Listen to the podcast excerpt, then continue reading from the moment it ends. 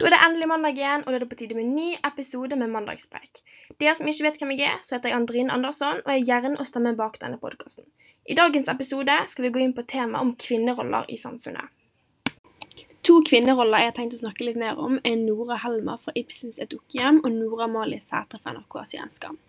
Problemstillingen da jeg har valgt, er følgende. Hvordan blir de to kvinnerollene Nora fra Et dukkehjem og Nora fra Skam presentert i forhold til sin tid? Jeg hadde valgt dette temaet, for jeg syns det er ganske spennende. Og jeg tenker at det er jo ikke tilfeldighet at de to, at Nora i Skam heter Nora. Det tror jeg ikke er en tilfeldighet.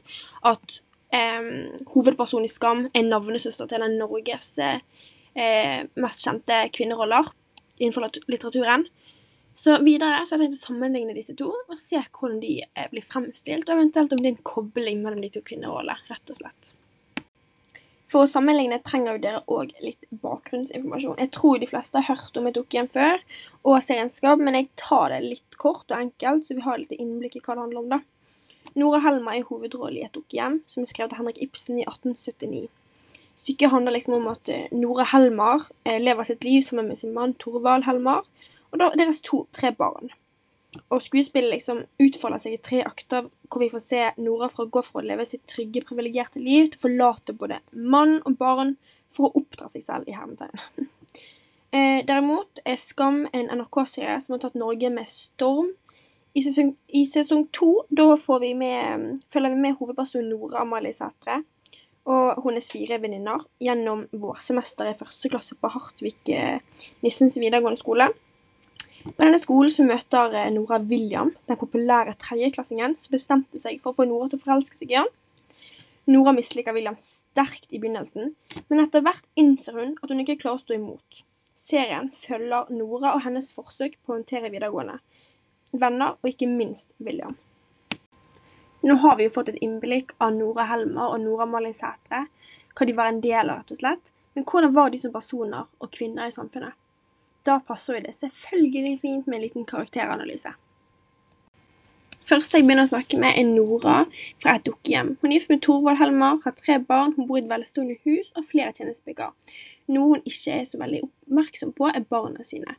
Men noe derimot hun er veldig oppmerksom på, er mannen sin. Hun bruker mye tid på han, og med en gang hun kommer hjem fra jobb, begynner Nora å klenge på han for å få oppmerksomhet og anerkjennelse. Det kan man se fra sitatet Jeg skulle legge aftenpike og danse for deg i måneskinnet, Torvald. Det er i andre akt dette sitatet er fra.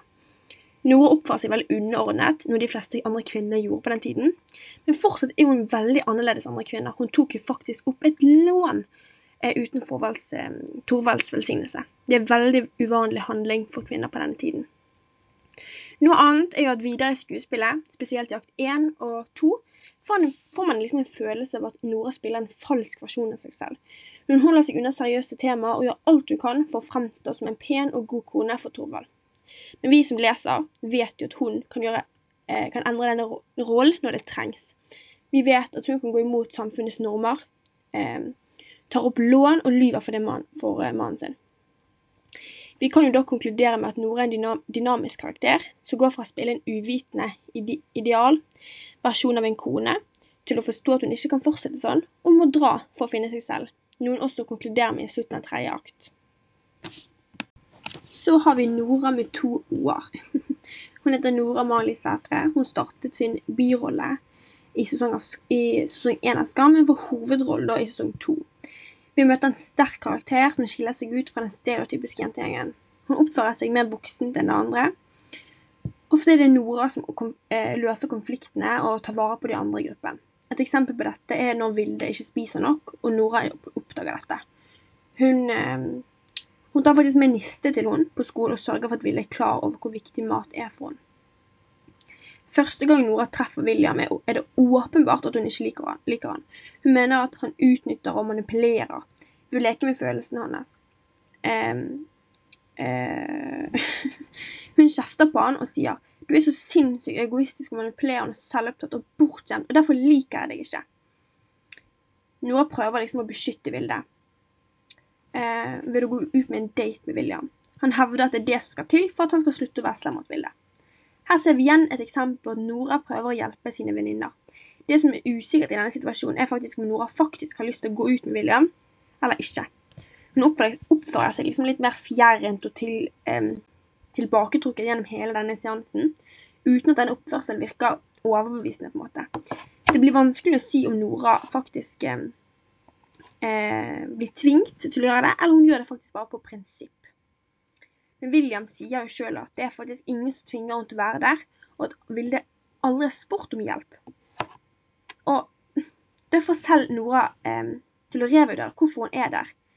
Eh, dette hermetegn-spillet fortsetter jo, hvor William åpenbart prøver for Nora, mens Nora halvhjertet står imot. Til slutt velger jo faktisk Nora å være seg sjøl og vise sine følelser overfor William. Nå har vi fått et innblikk på karakterene deres.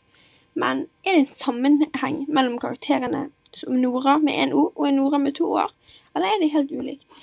Faktisk, i et av de første klippene fra sesong én i Skam får man et stort hint om at det kan være en kobling mellom karakterene Nora Hellemar og Nora Amalie Sætre.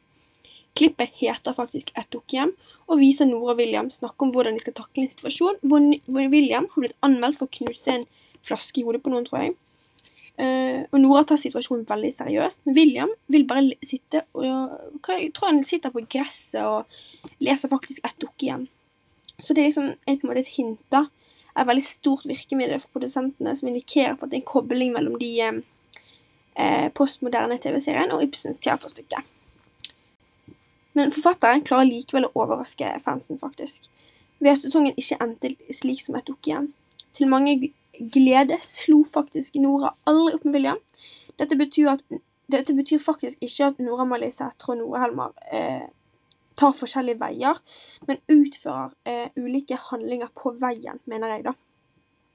For eksempel så kan vi faktisk sammenligne Nora Helmars økonomiske hemmelighet med Noras forsøk på å beskytte Vilde. Nora mener at den eneste måten å beskytte den hun er glad i, er å lyve til dem. I motsetning til William som sier 'Det er ikke så komplisert. Du lyver til en venninne og skylder på meg'.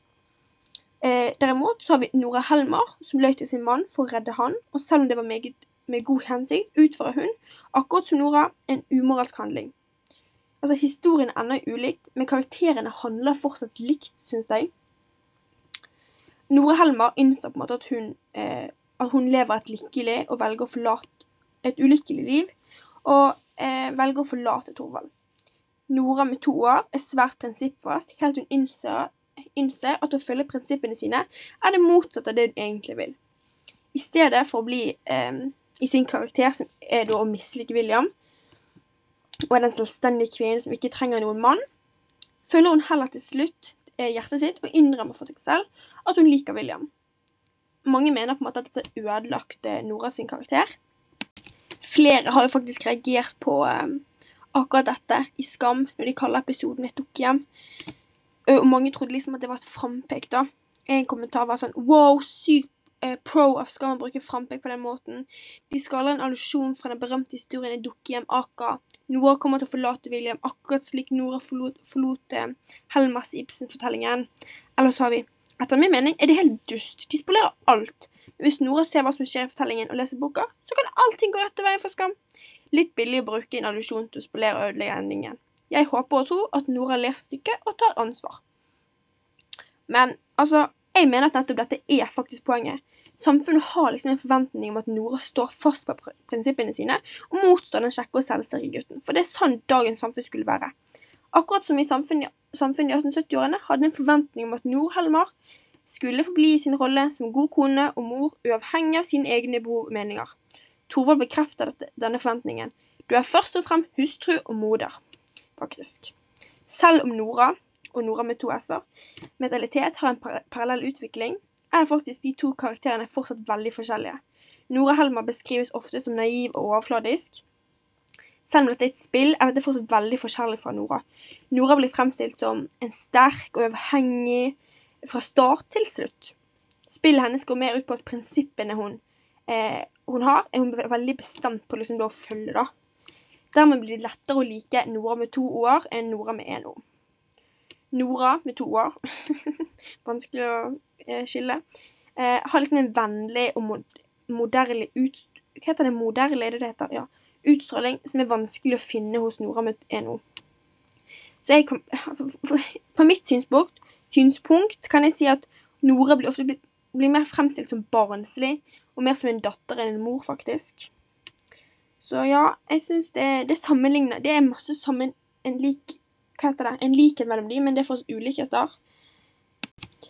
For å runde av så må jeg nesten eh, svare på problemstillingen min. Vi ser at det er to kvinneroller. Nora Helmer og Nora blir fremstilt veldig likt, selv om de er fra to forskjellige tidsperioder.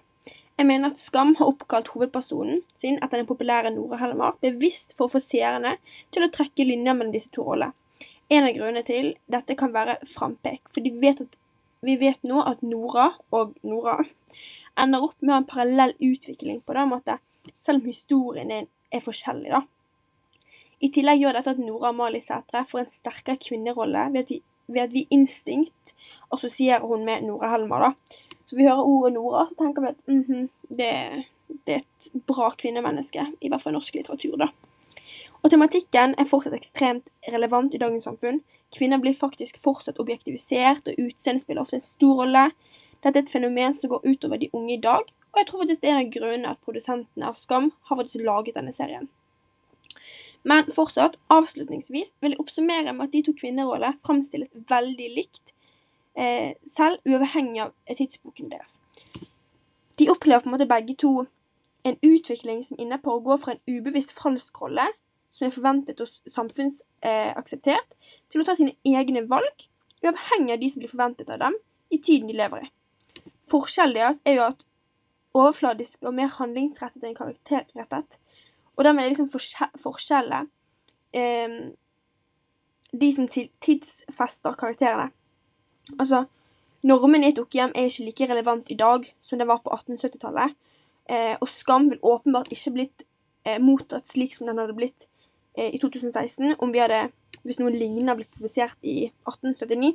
Da hadde ikke fått den like oppmerksomheten som den fikk i 2016.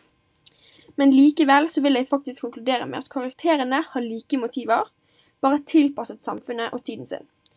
Altså, jeg føler at vi kan si at Nora Helmer og Nora Mali Sætre er karakterer med samme pro problematikk i ulike kontekster. Da må jeg si tusen takk for du som lyttet på, og jeg håper vi ses neste mandag til ny mandagspreik. Ha det bra!